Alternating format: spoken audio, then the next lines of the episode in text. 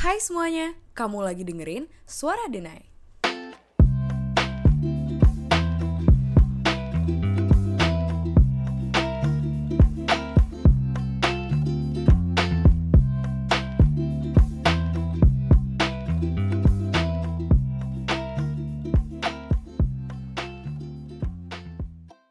Halo teman-teman semuanya, selamat datang di podcast Suara Denai. Hari ini udah episode ke-8 bareng gue Aisyah Felis dan hari ini gue bareng temen gue. Perkenalan dulu. Halo semuanya, perkenalkan nama aku Gina Rai. Aku sekarang lagi kuliah di Fakultas Hukum Universitas Indonesia. Ini ini fun fact aja sih. Aku tuh tahu kamu dari Line Today Gin. Waktu aku masih SMP. Kocak banget sumpah. Iya, jadi tuh iya jadi jadi waktu itu tuh uh, aku baca Line Today gitu terus artisnya apa ya headline-nya ya pokoknya adik artis Sanio Marwa lala gitu deh terus gue kayak oh keren banget nih kalau nggak salah tuh kamu oh aku tahu kamu tuh karena kamu ikut paskibra itu loh ya kan Iya, itu tahun 2017 berarti, sih. Wow, Lumayan lama juga ya. dari tahun 2017 sebenarnya.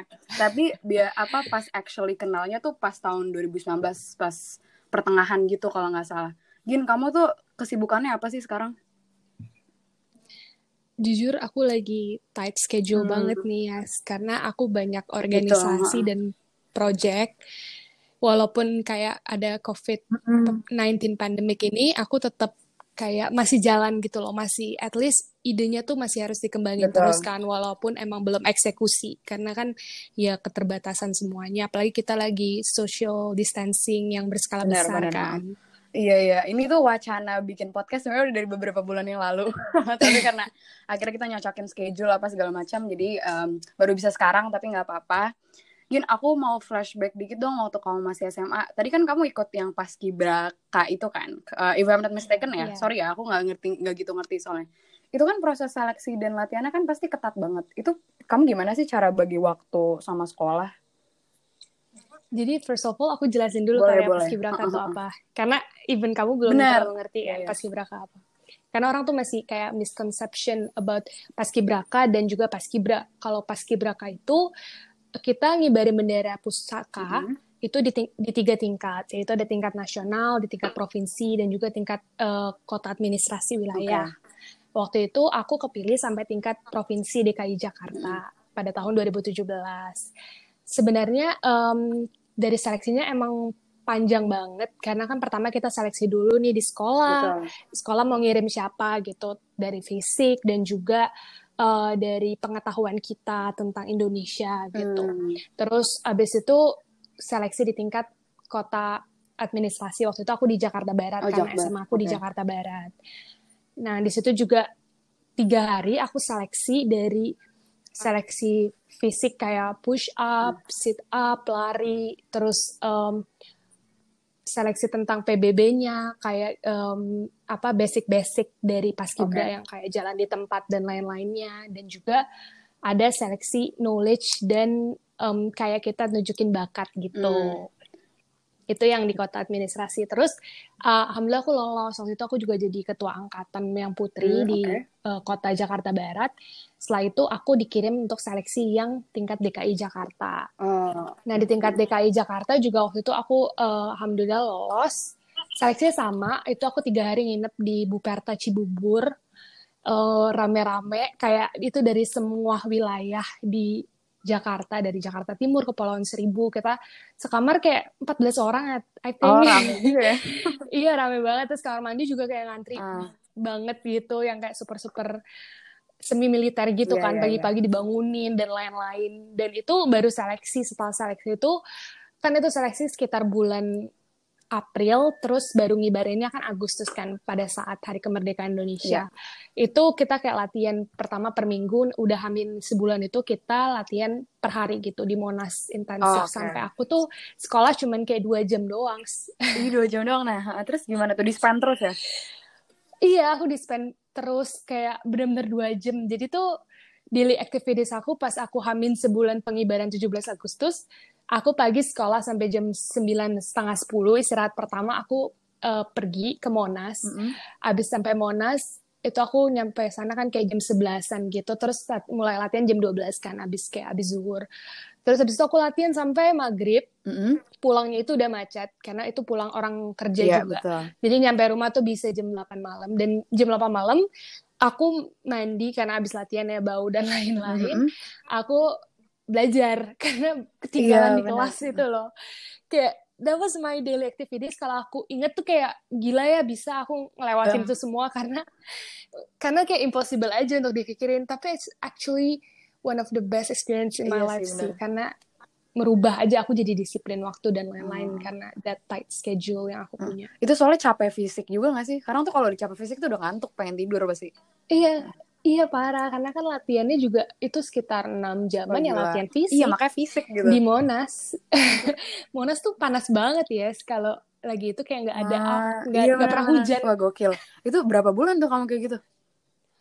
Untuk yang benar-benar intensifnya sekitar sebulan lebih. Tapi prosesnya kan sebulan. padat juga kan pasti. Ya iya, ampun, aku aku karantina gak disampul berapa hari, lima hari juga udah capek banget kayak udah udah mengeluh gitu anjir ini gimana berbulan-bulan. Iya, udah galak-galak banget karena kan kita nggak cuma dilatih fisik tapi kita dilatih mental banget kan. Yaduh, karena itu kayak semi militer, iya, iya, kayak iya. semua tuh ada uh, rulesnya tuh bener-bener ketat banget. Kita sama senior harus hormat dan lain-lainnya kayak ada benar parah sih serem sih jujur itu kamu iya. gimana dong berarti kamu belajar tuh saat malam hari itu pas ujian gimana UKK apa UTS gitu aku pernah aku kayak ngalamin turun nilai itu ya aku ngalamin gitu loh ya mm -mm. di semester 3 SMA oh, oke okay. itu kan ya tapi setelah itu kan aku udah mulai lumayan kayak agak loose gitu kan mm -hmm. schedule-nya gitu jadi aku ngejar sampai alhamdulillah pas pas aku naik naikan kelas ya nilai aku masih fine fine aja dan dan gak ada yang turun gitu masih okay. at least sama lah gitu hmm. gak ada peningkatan tapi at least aku masih kayak uh, maintain nilai aku gitu hmm. kalau nggak salah kamu SNM juga kan ke H, eh, ke HIUI lagi ke hukum UI Iya, aku lewat jalur undangan. Iya, itu keren banget. Saya pas aku lihat, oh gila nih orang udah. Karena kan aku tahu banget prosesnya. Kan aku ngikutin kamu udah lama ya udah. Terus hmm. nih orang pasti um, waktu belajarnya susah ngaturnya. Tapi manage untuk dapet SNM tuh itu itu itu keren banget sih kalau menurut aku. Terus kamu sebenarnya kenapa sih Gin mau ikut itu? Motivasi apa? Ya, uh, apa yang bikin kamu tertarik gitu? Mungkin at first itu karena aku nonton-nonton crime shows yang kayak polisi-polisi strict rules gitu. Oh. Jadi itu sebenarnya aku tertarik sama kayak dunia militer gitu. Hmm. Dan aku ngeliat Braka tuh juga kayak keren banget. Bener Apalagi sih. tahun sebelum aku tuh kan ada yang viral itu kan, oh. yang uh, Kak Gloria. Gloria, ya, Gloria ya. Iya, terus kayak ih keren banget deh. Terus kayak pengen aja nyobain exposure baru di mana hmm.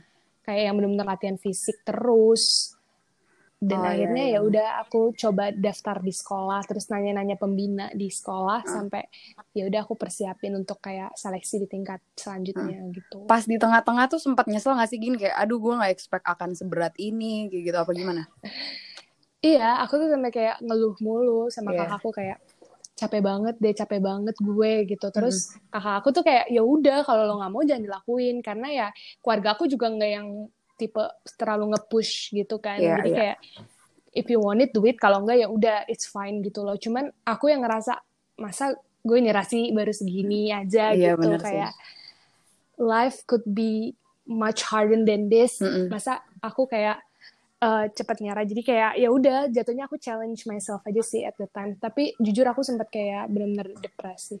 Oh iya iya, iya benar. Iya. Nih guys, jangan gampang mengeluh ya untuk teman-teman pendengar suara denai. nah, Karena itu mungkin first experience aku out of my comfort zone aja gitu. Nah iya benar benar benar. Akhirnya waktu itu kan kamu benar-benar berarti keluar dari zona nyaman, akhirnya coba hal baru, pasti dapat teman-teman juga. Itu kan satu Indonesia berarti ya nasional. Benar nggak mm -hmm. sih? Iya kan? Iya. Mm -mm. Oke, okay. Gin, kamu kan rajin banget ikut MUN nih dan um, acara-acara konferensi sejenis lah. Itu awal mula kamu tertarik sama MUN itu kenapa sih? Gimana gitu? Soalnya sebenarnya sorry ya. banget ya gini kepotong. Nah, ya, Soalnya apa -apa. topik MUN ini sebenarnya paling rame di ditanyain di Gores Denai beneran karena kalau setiap ada yang live atau di DM atau di Q&A pasti banyak banget tuh yang nanya tentang MUN jadi Gina akan menjawab Gimana Gin awalnya? jadi pertama kali aku suka ikut conference itu mm. balik lagi sebenarnya ke Paskip sih, di mana Paskip oh, waktu itu ngejalin kerjasama sama Foreign Policy Community of Indonesia. Mm -hmm. Nah, FPCI atau yang kita kenal, dia kan punya annual event. Dan waktu itu pada tahun 2018 dia bikin Conference of Indonesian Diaspora Youth, di mana oh, iya, iya. aku disuruh uh, mewakili Paskibraka untuk jadi speaker di situ kan. Mm -hmm. Dan itu aku kayak baru tahu banget kayak itu mungkin um, eye opening aja sih buat aku oh, ketemu oh, okay. bener orang baru dan semuanya aku benar-benar belajar banyak di conference itu. Hmm. Akhirnya aku mulai tertarik sama international apa ya affairs uh -uh. dan lain-lain gitu. Nah itu sebenarnya awalnya dari situ dari conference-nya Pak Dino Patijala. Oh iya dia yang dia yang punya ini ya Pak Dino Patijal tuh founder si FPCI itu kan? FPCI ya. Yeah. Sebenarnya pertama kali aku ngomong itu benar-benar my first public speaking deh kayaknya ya. Yes. Dan oh iya iya aku tahu tuh. Aku, Kamu post kan iya, di Instagram ya sih? Iya agak yeah. bau-bau gitu. Terus kayak keren sih. I think iya yeah, I I think I messed that up gitu tau gak sih. Gak kan pertama kali belajar proses. Iya. Proses.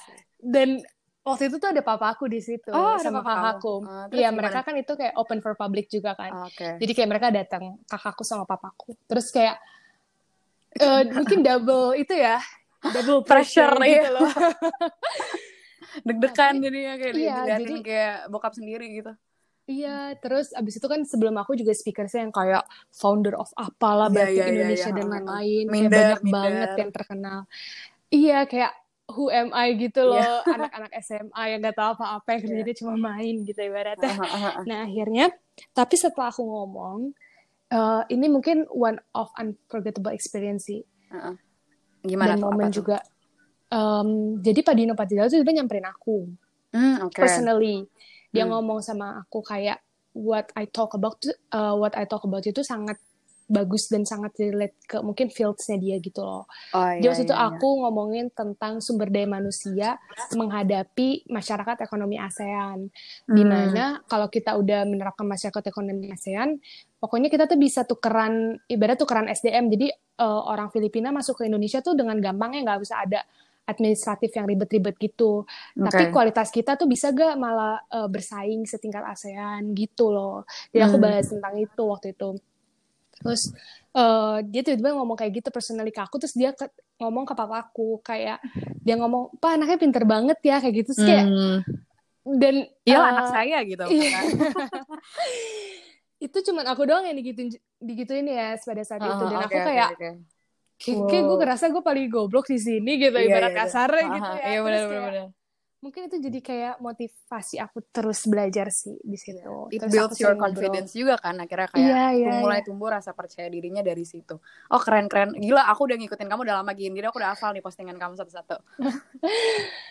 terus kalau yeah, jadi gitu, MUN ya? Iya kalau MUN itu pertama kali kamu ikut tuh pertama kali kamu ikut tuh pas kapan?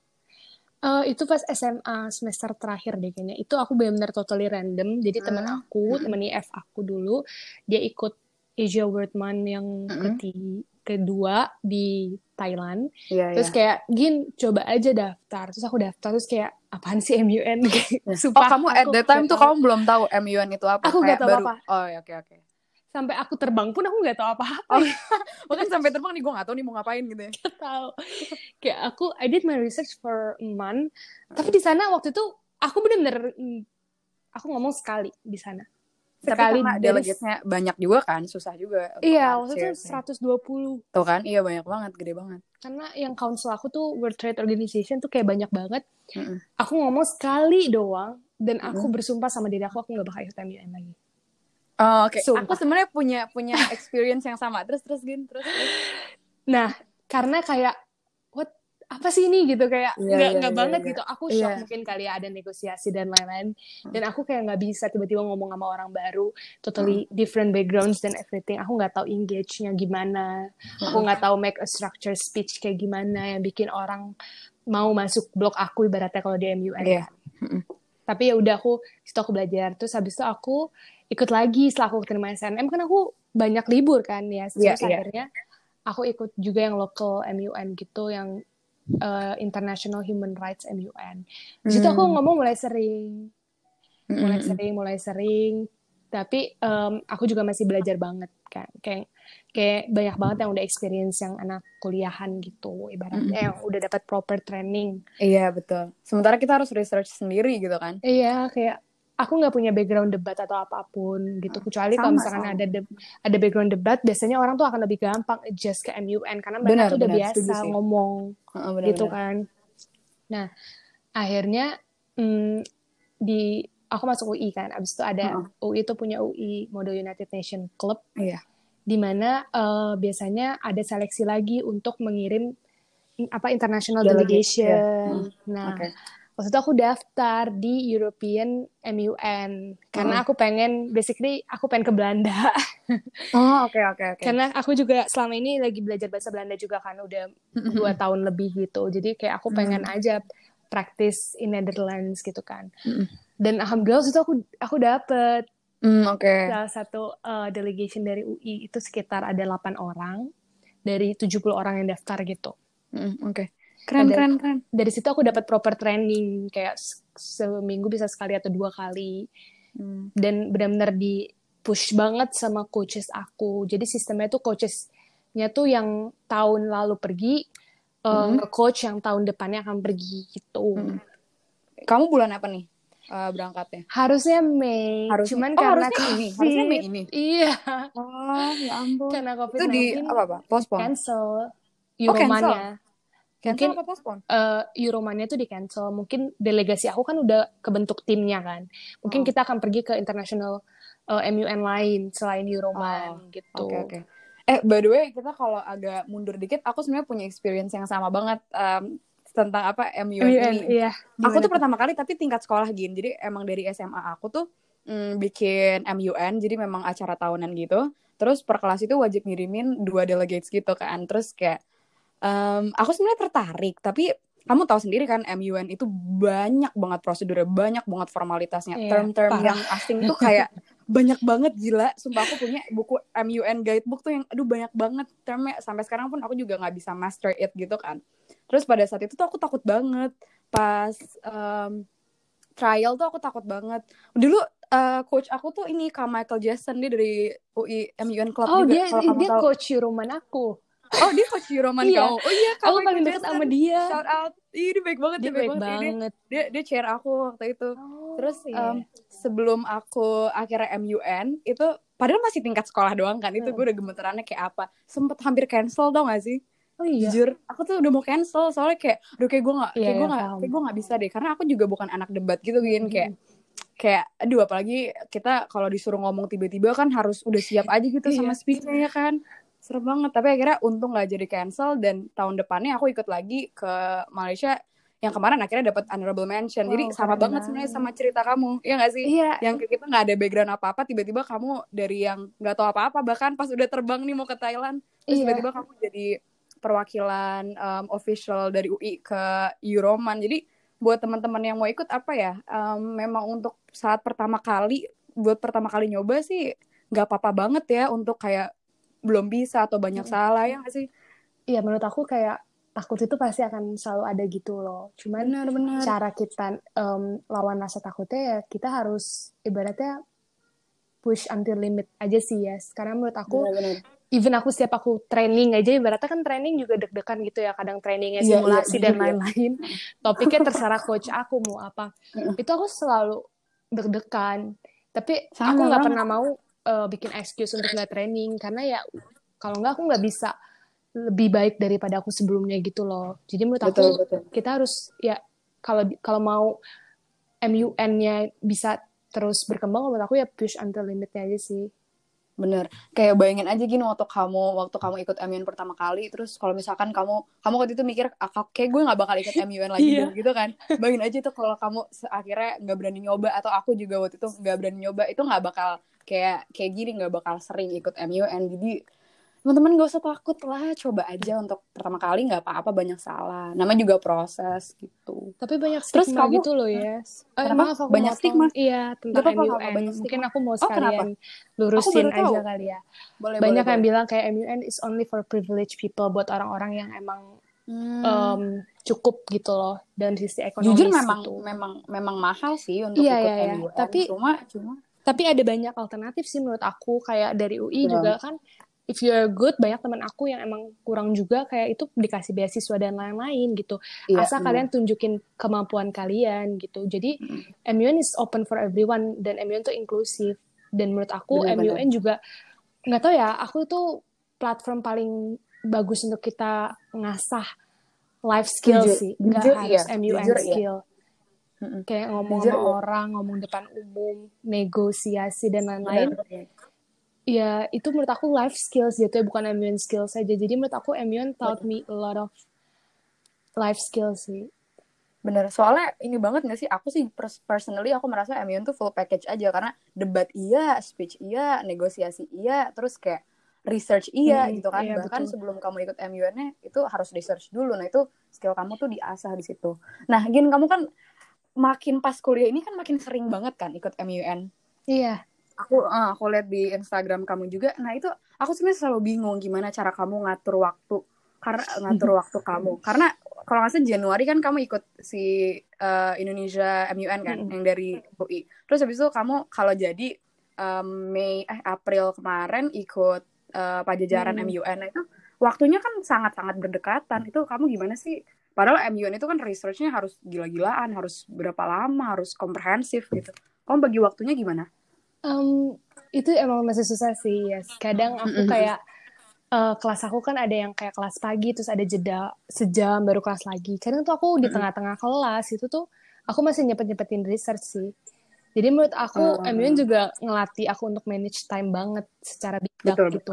Betul, Dan sebenarnya kalau udah kebiasaan iya. nanti kita biasa sih research yang kayak cepet tapi udah dapet maknanya gitu. Iya iya iya. Harus ini sih MUN tuh learning by doing banget. Kalau nggak dicoba iya. nggak iya. nggak nggak tahu rasanya kayak gimana. Dulu kalau nggak salah Michael Jackson deh atau siapa lah coach aku yang lain tuh dia ngomong kayak gitu. Iya MUN itu learning by doing. Kamu nggak akan tahu kamu kalau nggak kamu nggak kalau kamu nggak experience itu gitu.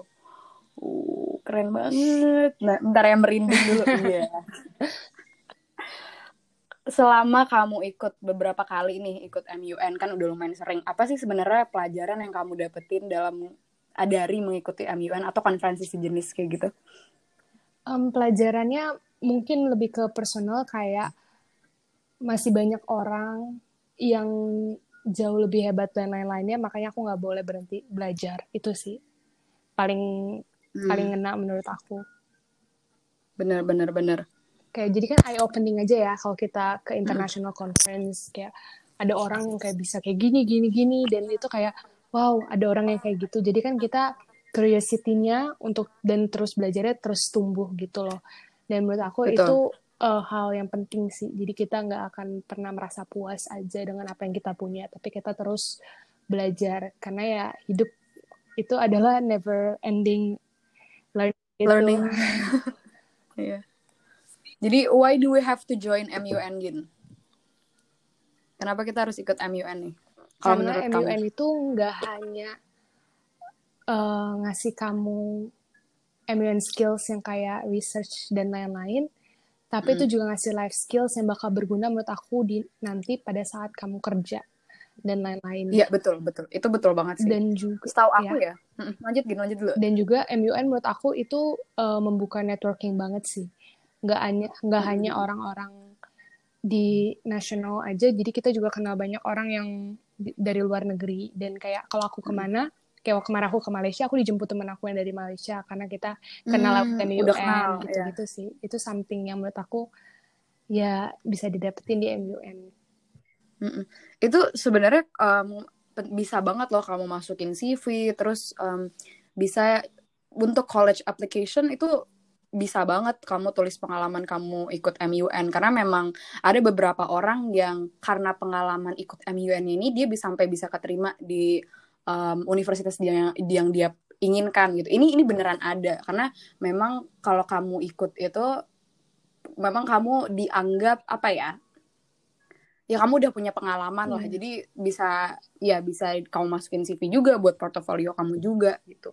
Nah, um, kan kamu sekarang kan memilih jurusan hukum. Kamu kan sekarang kuliahnya jurusan hukum. Aku kira waktu itu kamu mau masuk HI. Pasti nih orang masuk HI. Udah kayak gitu tuh gue kayak pasti nih udah ikut uh, conference-conference ini, MUN juga nih pasti orang uh, masuk HI gitu. kamu masuk hukum tuh kenapa memilih jurusan hukum gini? Apa karena emang tertarik dari dulu? Sebenarnya aku pas daftar itu juga aku gambling kan mau daftar hukum atau HI hmm. karena dua-duanya aku suka. Cuman waktu itu okay. aku kayak nanya sama papa mamaku sih basically kayak menurut mereka aku bagusan di mana gitu dan dua-duanya aku tanya secara berpisah itu bilang aku suka masuk hukum.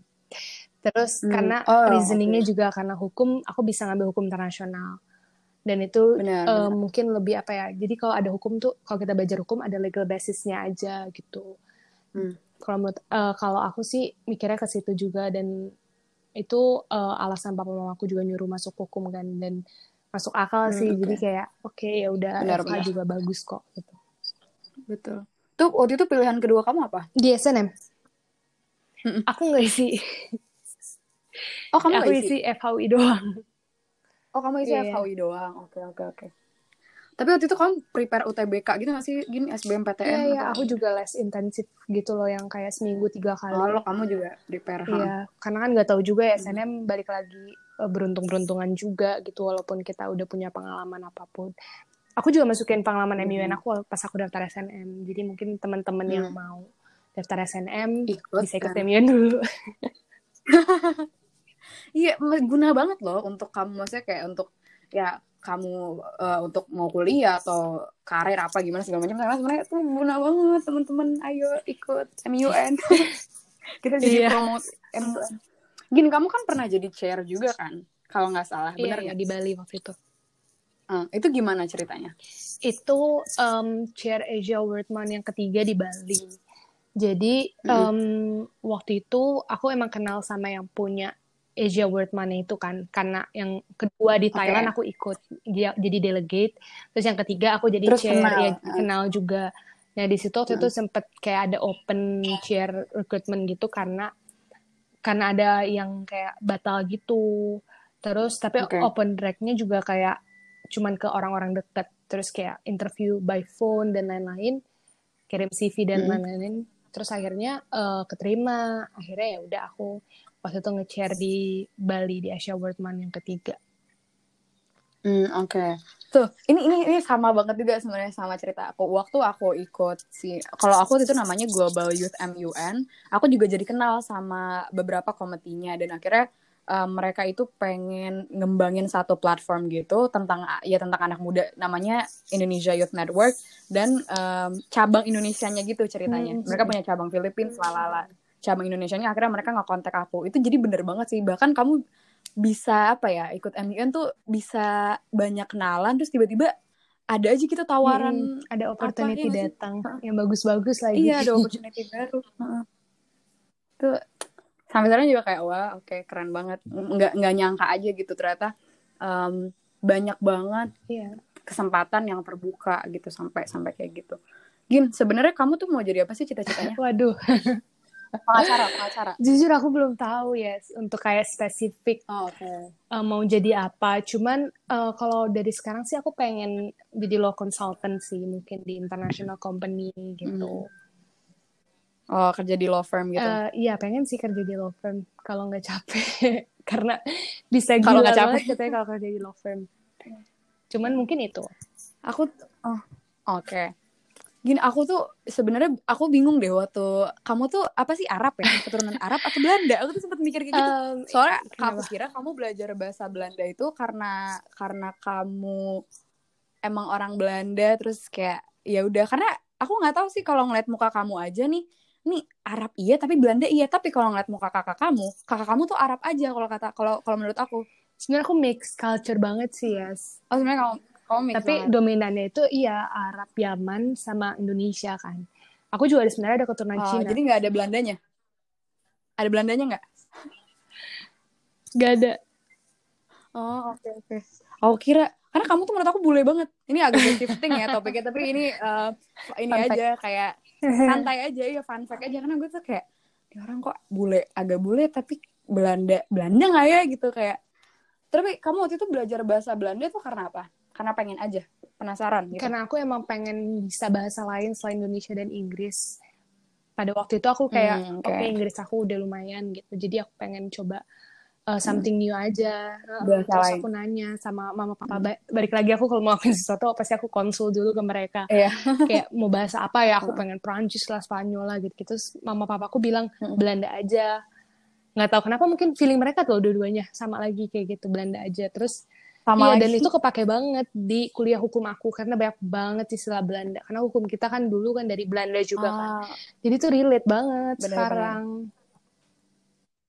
Hmm, gokil, gokil. Keren, keren, keren, keren. Udah dua tahun berarti kamu tingkat profisiensinya kalau bisa diukur apa ya bahasanya ya? Maksudnya udah udah segimana? Kemarin aku baru aja lulus ujian intermediate yang terakhir. Jadi kalau aku mau lanjut lagi aku udah mulai uh -huh. masuk advance. Oh, oke. Okay. Dia tuh gimana sih penilaiannya A, apa levelnya A1, A2 gitu kayak bahasa Inggris. B1, B2, kalau language C1, C2. skills aku emang kayak gitu kan. Cuman kalau di Oh, oh iya, iya juga ya. apa ini gue. Cuman kalau di les aku, aku oh, belum, oh, iya, aku belum kayak setarain sih itu sama skills itu. Cuman adanya basic satu, basic dua, basic tiga, intermediate satu, intermediate dua, oh, iya intermediate tiga, yeah. Iya, iya. baru advance satu, advance dua. Nah, aku mau masuk hmm. advance satu. Hmm, oke. Okay. Kamu uh, lanjut. lanjut. advance ini. Oh, oke okay, oke. Okay. Ih, sayang sih maksudnya kayak mendingan mendingan langsung sampai fasi temenku aku punya temen oh kamu kenal nih sama temenku oh, iya, Michelle iya, pas iya. pas kamu ikut uh, iya uh, satu kansel kan sama kamu dia juga dia belajar bahasa Perancis udah dari udah lima tahun kali ya dia dari SD deh keren kasian banget dia sekarang Michelle kalau denger hai Perancis sumpah tapi keren banget juga sih jujur iya Terus dia tuh saking stresnya kata kata gini ya, saking susahnya bahasa Perancis tuh katanya kalau misalkan um, tes kayak IELTS tes IELTS itu kan cuma berlaku dua tahun doang kan. Tapi sebenarnya kalau tes Prancis itu katanya seumur hidup. Sekali seumur hidup ya? ngambilnya. Belanda tes tes kayak gitu bener katanya karena kan grammarnya katanya beda-beda per per gender. Aku nggak ngerti sih aku kurang ngerti. Tapi menurut kamu belajar bahasa Belanda sejauh susah. ini susah nggak sih kayak ya susah pasti sih cuma susah. kayak challenge susah ya susah. pertanyaan macam apa ini kayak grammarnya beda sama Inggris jadi nggak bisa disamain gitu hmm. tapi kalau kamu ngomong itu kamu bisa gitu ngomong misalnya aku belum pernah nyoba sih cuman um, kalau denger oh, orang Belanda ngomong okay. aja tuh suka kayak harus pelan-pelan gitu soalnya mereka ngomong tuh cepet dan kayak apa ya cepet, aksennya iya, beda pasti. banget gitu loh. Yang kayak orang kumur-kumur ibaratnya kayak gitu iya. Iya nggak kedengeran. Iya nggak kedengeran. Gokil. Iya sih bener sih. Keren keren keren. Jadi kayak gitu. Aku kira iya gitu kayaknya emang orang Belanda gitu. Aku mikir ya pada saat itu. Seru seru. Hmm, Gin kamu punya pesan dan kesan nggak buat teman-teman pendengar podcast Suara Denai buat yang pengen ikutan MUN tapi bingung mulai dari mana tapi takut salah atau kayak gimana? Gimana gin um, pesannya? Aku paham sih kayak misalkan mau nyoba sesuatu yang baru itu pasti ada tak rasa takut, ada juga kadang bingung mau mulai dari mana gitu. Tapi saran aku betul. Nggak usah lihat jauh-jauh, nggak usah muluk-muluk dulu. Coba aja lihat dulu sekeliling kalian ada apa yang bisa kalian gunain secara maksimal dan buat suatu hal yang kecil itu menjadi besar sendiri gitu. Dan um, menurut aku kalau kalian kayak mau nyoba konferensi yang internasional mungkin terkena terdengar itu tuh kayak emang menyeramkan itu kan. Jauh ya, banget. kayak, ya, padahal enggak juga. apakah kita capable untuk ngelakuin itu. Cuman sebenarnya semua orang punya perasaan kayak gitu loh. Kalian tuh nggak bukan kalian doang. Jadi mm -mm. kalian harus somewhere harus coba aja gitu. Karena kalian nggak tahu kemampuan kalian sampai yeah. kalian benar-benar kayak terjun ke lapangan Nyoba. itu dan semoga kalian nggak jadi orang yang ngeraguin diri sendiri sih. Karena kalau kalian udah nggak percaya sama diri sendiri orang lain juga nggak bakal bisa percaya sama kalian. Ini tips aku kalau mau speech di bener, MUN tuh kayak um, aku harus percaya dulu apa yang apa mau aku bicarakan jadi orang juga percaya sama apa yang aku omongin gitu benar-benar setuju. Sebenarnya kalau bisa aku simpulin dari percakapan kita dari 34 menit yang lalu, sebenarnya um, ini nggak cuma tentang MUN aja ya untuk untuk untuk banyak hal lah. Jadi kalau misalkan kalian pengen mengikuti sesuatu itu nggak apa-apa untuk pertama kali mencoba akan pasti banyak salah. Tapi kan kalian belajar dari situ. Karena gimana ya karena akan banyak banget kesempatan yang terbuka setelah kamu mengikuti suatu hal. Mengikuti MUN lah ya kalau di di kasus ini gitu. Loh karena bayangin aja kalau tadi Gina berpikir kalau dia nggak akan ikut MUN lagi gitu setelah ikut MUN yang pertama takut apa segala macam. Dia nggak mungkin jadi perwakilan iya, official yeah, UI untuk ke Euroman gitu kan dan aku juga kalau kalau misalkan aku takut waktu itu beneran cancel nggak jadi ikut MUN aku nggak mungkin. Mungkin aku nggak akan punya gores denai gitu. Aku nggak bakal bisa ketemu Gina sharing bikin podcast iya. di sampai sekarang ini gitu loh. Karena ini kan karena karena experience itu kan gitu. Jadi buat temen-temen jangan takut. Terus jangan. apalagi Gina? Ada yang mau ditambahin? Kalian harus pede sih. Karena kebanyakan um, orang-orang tuh ibaratnya lo estimnya sendiri gitu. Malah kayak ngeraguin diri sendiri kayak ya, bisa bener, sih gue apa gue deserve untuk dapetin sesuatu itu. Pokoknya jauh-jauhin pikiran kayak gitu sih kalau menurut aku. Karena tuh sengaruh itu mindset. Kal kalian nggak pede karena sebenarnya belum iya, mencoba bener, sih kalau aku juga punya formula.